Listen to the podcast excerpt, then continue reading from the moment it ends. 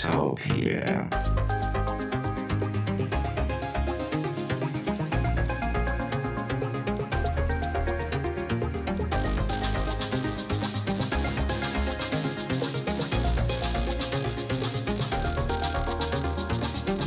Tektopia er en ugenlig podcast om mennesker og deres teknologi, udgivet af Ingeniørforeningen IDA i samarbejde med Teknologiens Mediehus, støttet af .dk, IDA Forsikring og Messecenter Herning. Mit navn er Henrik Føns, og det er mig, der bestemmer i Tektopia. Tektopia.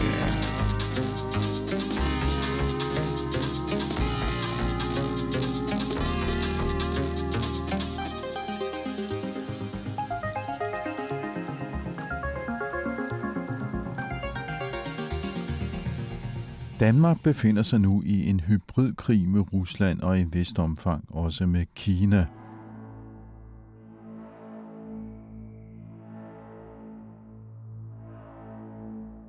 Det hævder den tidligere NATO-ambassadør Michael Silmer Johns, der sidste år stod i spidsen for regeringens sikkerhedspolitiske analysegruppe og en medfølgende rapport. Han mener, at samfundssikkerhed er politisk hjemløst, og med den nuværende sikkerhedssituation, så er det uholdbart, påpeger han i flere medier, som Altinget og DR. Han vil opruste både med en pjæse til befolkningen, en styrelse og et ministerium. Og i forrige uge, der kunne DR også berette, at et avanceret hackerangreb var tæt på at slukke for strømmen til mere end 100.000 danskere i foråret. Indicier peger på, at det var russiske statshackere, der stod bag angrebet.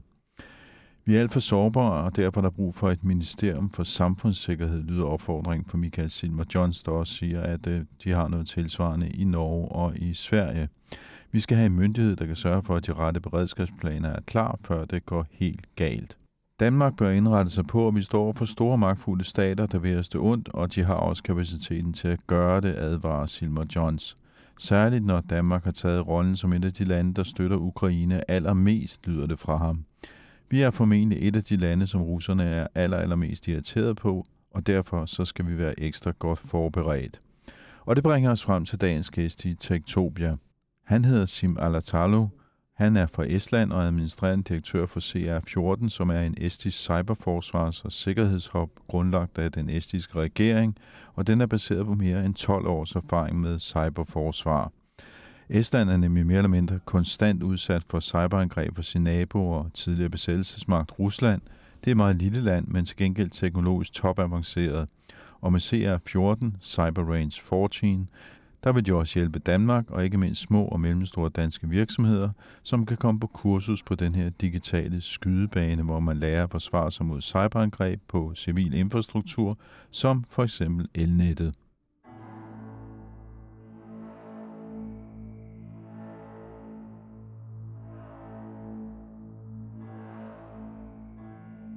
Uh, my name is Siim Alatalu and I come from Estonia. I'm in charge of the Estonian National Cyber Range called CR14. Uh, so that's been my job for about a year and a half now. But previously, my career has been with the cyber defense sector in Estonia uh, regarding issues related to NATO, EU, and of course, national uh, cyber defense as well. And to put all this into perspective, uh, we probably need to know more about Estonia as a digital state. I'm a historian actually, and if we go back some 30 years, then uh, when Estonia regained independence, uh, it was an opportunity to sort of uh, s- uh, fast forward to to modern day, and uh, thus digitalization, all the digital solutions uh, became uh, the feasible way forward for the new country, for the new government. Uh, so opting for the digital solutions as opposed to pen and paper sort of uh, automatically kicked in.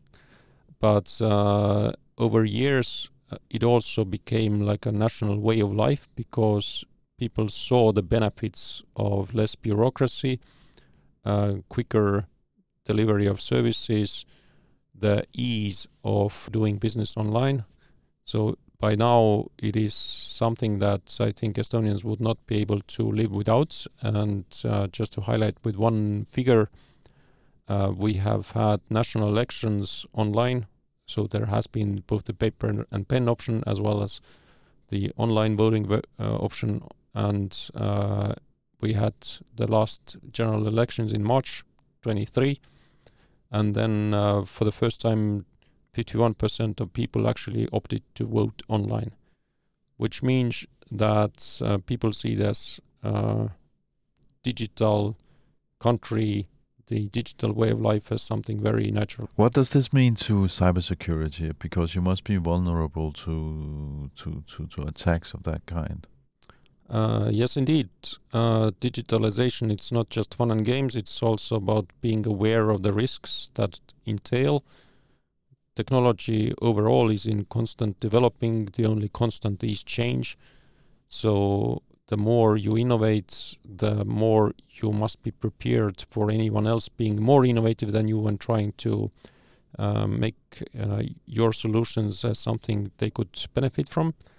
Uh, which means that cyber defense it is, I would say, the other side of the same coin. So digital development on one coin uh, side, and the cyber defense, cyber resilience, cyber security more broadly on the other side. So they these need to go to hand in hand. Uh, and uh, in practice for Estonia, it means that cyber security and cyber defense issues are quite I would say, well invested into. Uh, we are ranked among uh, the different cybersecurity rankings of the ITU, the International Telecommunications Union, uh, quite highly, but in practice it also means that we experience some of the strongest attacks. Uh, uh, for instance, uh, the war by Russia against Ukraine we we witnessed uh, a raise in hostile online activities against Estonian networks already in January, so before the war. So there was, uh, and I, I, suppose we are not the only country who has felt that. So the the so-called patriotic hackers of Russia and possibly other players as well, uh, they have been very active trying to attack systems. Uh, but fortunately, so far we haven't had any negative breakdowns to mention. But if you should summarize the story uh, going back in time, um, I remember there was a very big attack at a certain point uh, some 10, 15 years ago. Uh, if you mean the 2007 cyber attacks, uh, they, yes, indeed, they are well known, are uh, often referred to as the first time when a country in its, uh, how say, totality. So uh, different systems uh, used by the Estonian government, but also the private sector, newspapers, banks. On every everything was, I would say, being tested out by uh, by by uh, Russian Russian hackers. Uh, it was very large scale, but I think what makes it very well known is because of the fact that Estonia was the first country to be open about it. So, as opposed to seeing the attacks coming and trying to hide them, the people in charge of Estonian national security then made the conscious decision that we will be open about it. We will tell the world what we are seeing, because by doing that, we can send out, I would say, uh, a warning to other countries who might be the next targets.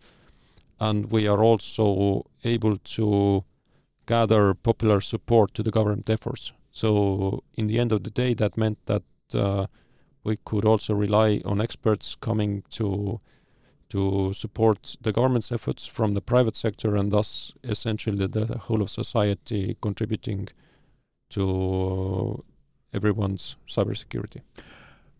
But in this attack in 2007, uh, I mean, what happened? You were not able to defend yourself, or no? We were able to uh, how to kick back the the incoming attacks. So no serious harm was done, but the uh, if I um, blah, blah, blah, so if I look back uh, into my my days during the attack, it was about not being able to access your bank, uh, online bank, not being able to read the news online, uh, delays in email traffic.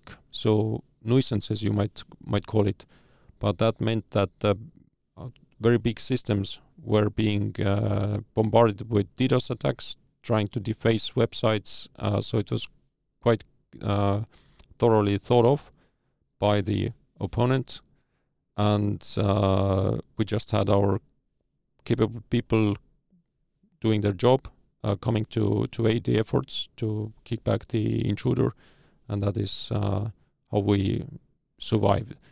So uh, at at that time, uh, I think the societies everywhere were much more dip, much different from today. So less uh, dependencies, less vulnerabilities.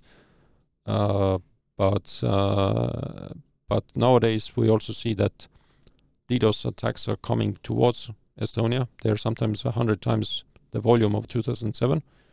Uh, and nowadays we just don't feel them because the society and the overall technological capacity has moved on so much. So after the attack in 2007, you built a very strong uh, defense system when it comes to cyber attacks. I think we uh, we upgraded the existing systems because the the experts were there. They were responsible for defending their own systems, their own networks. Uh, 2007 led us to having a more holistic approach overall, establishing dedicated government agencies, having their first national cybersecurity strategy in place. Uh, I think it was amongst the first in the world at the time. Nowadays, having a national cybersecurity strategy, it's uh, really a no-brainer. So every country nowadays have them. Uh, establishing CERTs, so computer emergency response teams on the governmental level.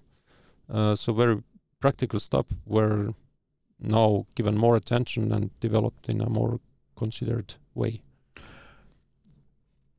Maybe it's a stupid question, but I mean, how is how is it possible to build uh, this? I mean, you're a very small nation. Uh, I think 1.5 million people.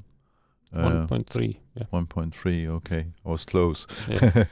anyway, uh, and you defend yourself against a giant like Russia, and you're not able to defend yourself, so they are actually not hitting your systems in a way that they will uh, go out, or that they will not work. I think in the end of the day, I mean, the story of the David and the Goliath, of course, is is a historical one, but but it is about bringing together competent people. We have seen in uh, it's a much more peaceful setting. So if we run intergovernmental cyber defense exercises, international exercises where different countries come together and try to solve the same puzzles, we see that the su- key to success if your national team is is in a competition and you need to defend your different sectors, uh, power generation or water purification or or whatnot, banking sector or the military sector, the best performing teams are the ones who are able to best or the most efficiently coordinate between the activities, uh, who are able to direct the resources uh, very flexibly. Uh, in the end of the day, I would say if if you're able to have a comprehensive approach, if you see, um, you know the, how how your resources are, you know who your uh, team members are, if you're able to direct them flexibly to the most demanding front, so to say, that's a key to success. So national coordination and the ability to move flexibly between uh, sectors and direct your resources, that's the key to success. And that, in a way, levels the playing field between different size countries. And you are also home to the NATO Cyber Defense uh, Agency. Yes, the CCDCOE. Also happy to note that Denmark has has been uh, a member of that organizations, I think, for about five years now. Uh, I think it was historic that it was the uh, 800th anniversary of the Dannebrog. So it was raised uh, in uh, 2019 at the CCDCOE headquarters when Denmark, Denmark joined the center. So it was, in a way, came together very nicely and in a historically meaningful way. But all this um, knowledge and experience you have with cyber defense, you're now ready to to share with the rest of the world in your in your cyber range. Could you explain what is the cyber range? Uh, cyber range, uh, if if I'm very blunt, it is a specialized da- data center, but it's not just rows of racks and servers, but it's uh, I would say a specialized configuration of what the computing power is to do. So on one hand, yes, it is about having a lot of computing power. It is about having the necessary virtualization layers. It is about uh, the the networks, and the key to everything is to have the competent people. So people who are able to uh, design cyber defense exercises, to prepare the networks, the different layers, to ensure that everything is available, everything is deployable, uh, and uh, their cyber ranges as such are thus used for very demanding jobs. For instance, if you run a big international cyber defense exercise, a few examples to name are, for, for example, Locked Shields. It's an exercise organized by the CCDCOE and the Estonian cyber range CR14 is providing the technical infrastructure for that. What that means in practice is that for uh, two to three days annually, uh, the national cyber defense organizations, for instance, from Denmark or from the US or any any country in between. Uh, so I think the last time we had 38 countries from Europe, North America, but also from Asia and Australia to be connected to the cyber range. And then the cyber range will be deploying, mm, on a rough estimate, about 7,000 virtual machines so that the cyber defense teams in their home bases can learn and, and try out their skills as to how it is to defend certain sectors in your in your society against a very competent red team. So it, it's like a, I'd like to call it the international orchestra of hackers. So they will really try to get into your systems, make the services stop, uh, turn turn everything upside down, and then the countries, what's their benefit is that they are learning from this experience. The the red team is given in a way free hands as to really come up with the craziest ideas how to penetrate systems, and then the blue teams, the defenders, are tasked with. On one hand, they need to keep the systems up and running, so they need to kick out the intruders. Uh, if they fail uh, to do that, they need to be able to regain control of the systems. And by the end of the exercise, the, the perform performances are graded with points which means that uh, whichever country gets the most points is declared the winner. It's you know it's not not an official world championships, but uh, in many aspects it certainly looks like that. So which country for that given year has the best performing team, the best coordinated team, and uh, possibly the best uh, cyber defenders available. But but that's the Locked Shields. Um, how, how are you going to do it in the future with, with the CR14? Uh, who, who are you offering this to? Well, CR14 uh, is offering this uh, infrastructure and the the know-how how to set everything up, not only to the CCDCOE, the, the NATO Cyber Center in Tallinn, but but also other governmental uh, partners, and we are now expanding our uh, offering also to the private sector because we see it essential as if we work with the governments and we help the national cyber security agencies, the CERTs or the military equivalents to perform well. That's just one one solution. So that's just one side of the full story because in real life the um, private sector, the small and medium enterprises in particular, are often the ones who are under real attacks. And those attacks aren't necessarily about bringing your country down, but they are really after your very own personal money and resources. Uh, and in the end of the day, they are uh, all critical to the society. So private uh, companies could be, in fact, officially declared as essential service provider, regardless of the size. Countries are different sizes, so enterprises are different sizes. And in the end of the day, it could be a matter of finances, but it could also be a matter of national security and could be a matter of uh, individual health. Uh, so any anyone from a application developer to a big hospital could be a target of a cyber attack, and thus it's important that we provide the SMEs with the ability to train themselves to learn their vulnerabilities and make better products also. So for us, that means that we are uh, now really in the final phase of launching a new service called Open Cyber Range. In a way, we are opening our uh, capacity and know-how to the enterprises. So we will continue to serve uh, national defenders and NATO and the government sectors, but also now to the private sector. And you have even um, a plan for uh, space? Yes, uh, the space uh, cyber range. That's something.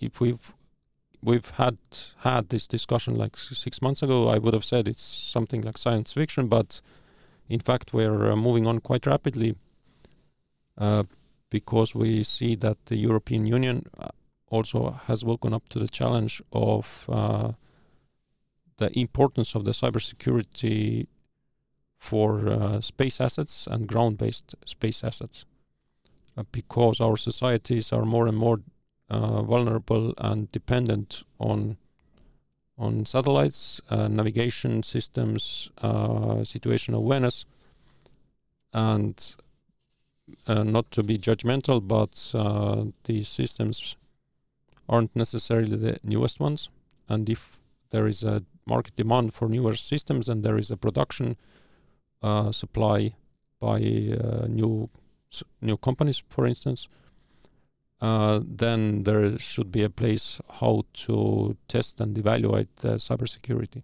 which means that you would need a space uh, cyber range.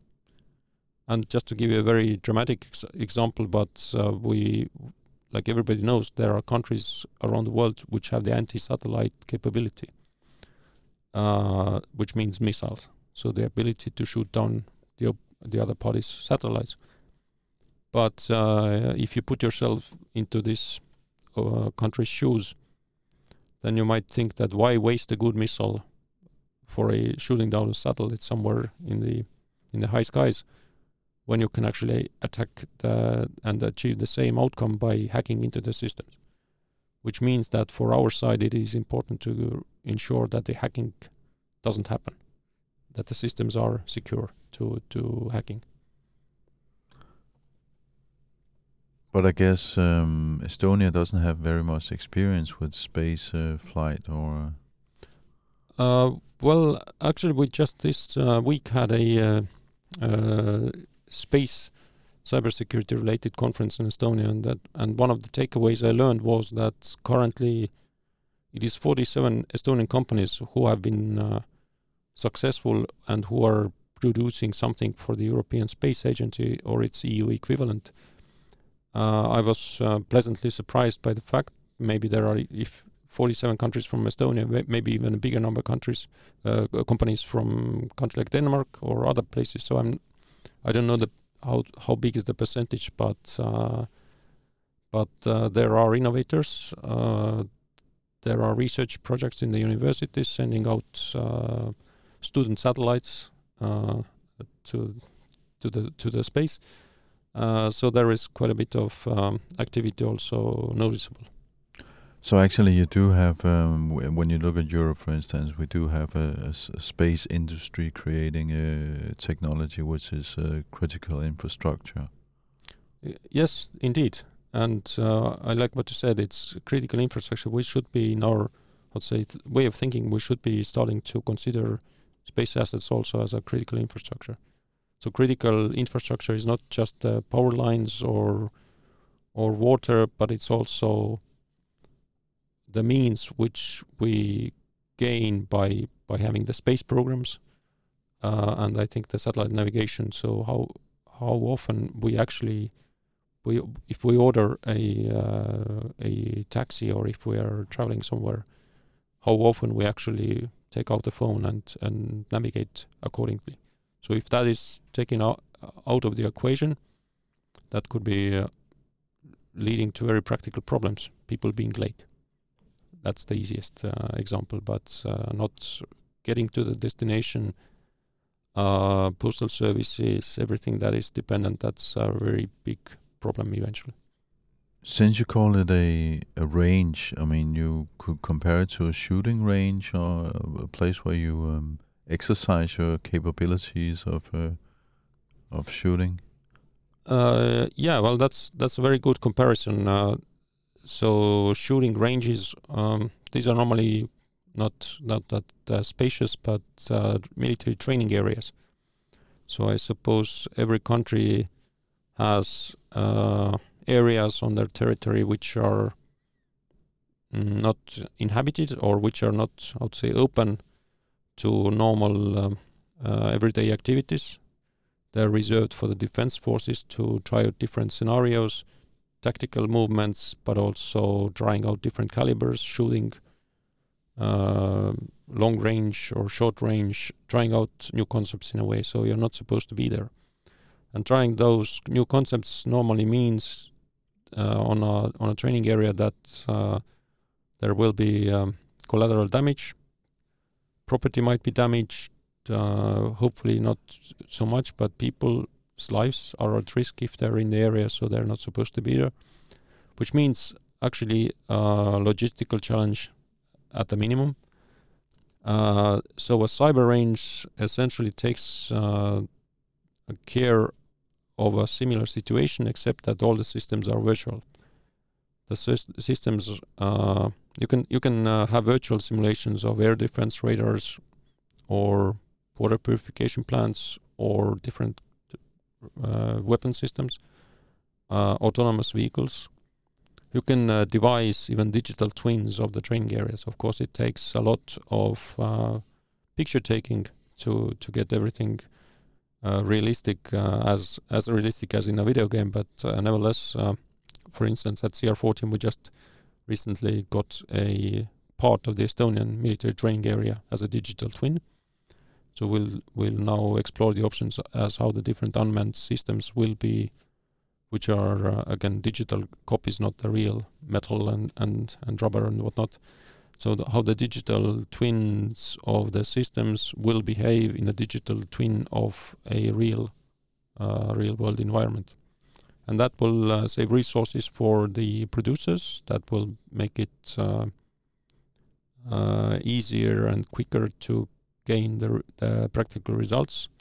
So if if you have the unmanned vehicle and it uh, rides into a ditch and capsizes, uh, so you can do the calculation. So maybe we should change the position of the wheels somehow, so that in a in a real ditch it doesn't you know capsize and it would be game over.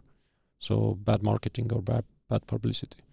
So these uh, very practical things are just so much less resourceful when you do it in a virtual setting like a cyber range, as opposed to a real range or training area. Uh, since you're now in Denmark, um, what, what what can you offer Denmark when it comes to the cyber range?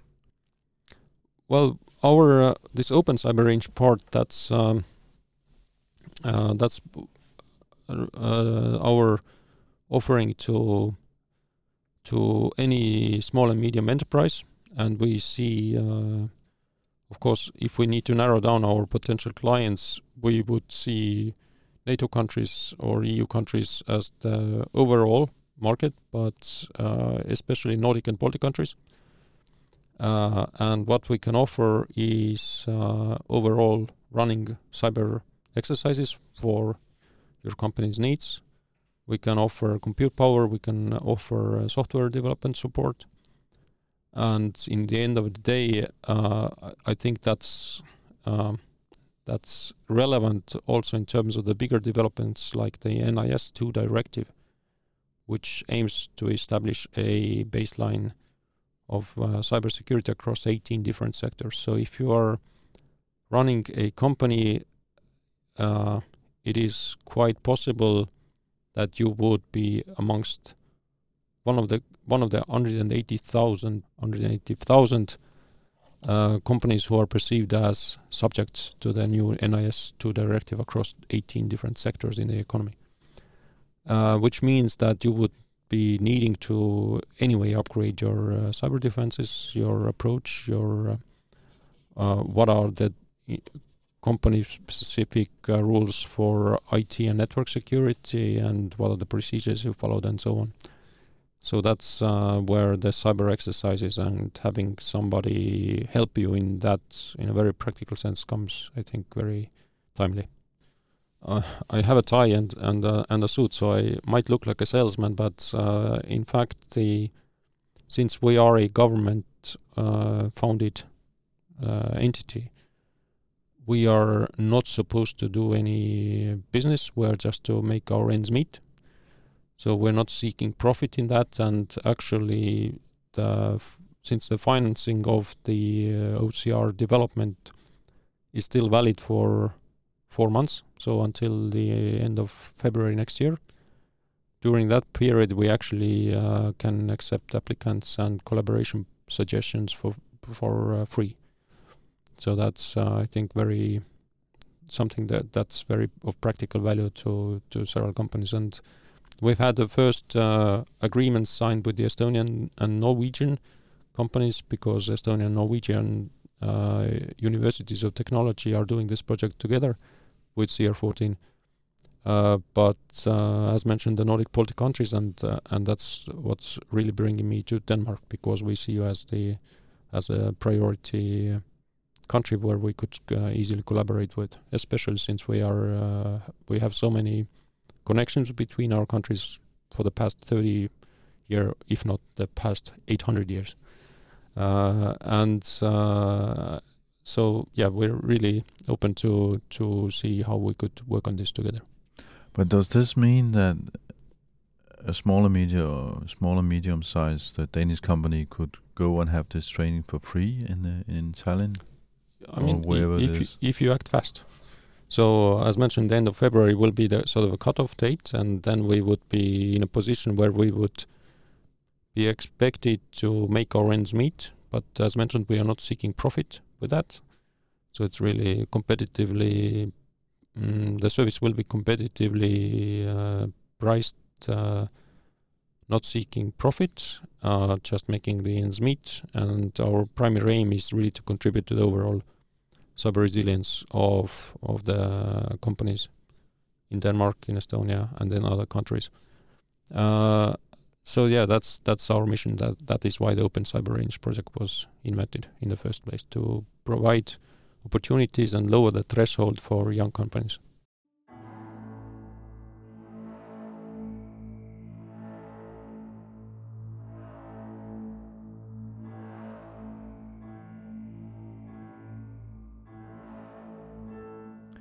Jeg linker til CR14 for tektopia.dk, og det er også her, du kan finde tidligere episoder af Tektopia. Lige nu her skal vi have podkort fra Ingeniørens podcast Transformator. Det skulle være så godt med den grønne omstilling. Men så vendte verden på hovedet, og omstillingen blev til en indstilling. Der skulle for eksempel bygges et 100 megawatt havvindsprojekt ved Bornholm. Det er nu droppet. Der skulle have været 300 megawatt vindmøllepark ved Aflandshage ud fra Stævns. Den har været undervejs i syv år og kostet en halv milliard kroner i planlægning. Den ser ud til at være droppet. Energi i Nordsøen på 3 gigawatt er udskudt på ubestemt tid.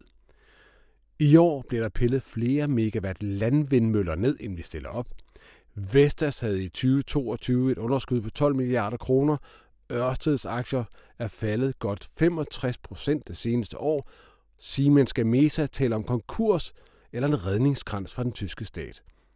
Nu er det altså blevet svært at få øje på den grønne strøm, der ellers var planlagt til den grønne omstilling. Hør den her uges transformator. Hvorfor gik det galt? Hvordan får vi i gang i vindmøllerne, PDX og den grønne strøm igen? Og så skal vi se på politiets nye pistol, der er mest kendt for at gå af, fordi der ikke er nogen sikring på pistolen. Hør med i den her uges transformator. Du har lyttet til Tektopia. Du kan finde os på X og Instagram, der hedder vi snabler tektopia.dk. Vi har også en uh, gruppe på øh, Facebook, den hedder Tektopia Backstage, hvor du kan diskutere teknologi med en masse andre Tektopia-lyttere. Så kan du følge os på øh, LinkedIn, og du kan også abonnere på vores nyhedsbrev, som du finder på tektopia.dk, sammen med alle de tidligere episoder af podcasten her. Og der er pt. over 300 episoder, så hvis du er ny lytter, så er der masser at gå i gang med. Og om ikke andet, så vil jeg da opfordre alle, der lytter til at øh, tegne abonnement på podcasten, så I ikke glemmer at høre en episode i ny og næ. Tektopia bliver produceret af mig. Jeg hedder Henrik Føns. Jeg får hjælp af Mikkel Berggren på genhør i næste uge. Tektopia.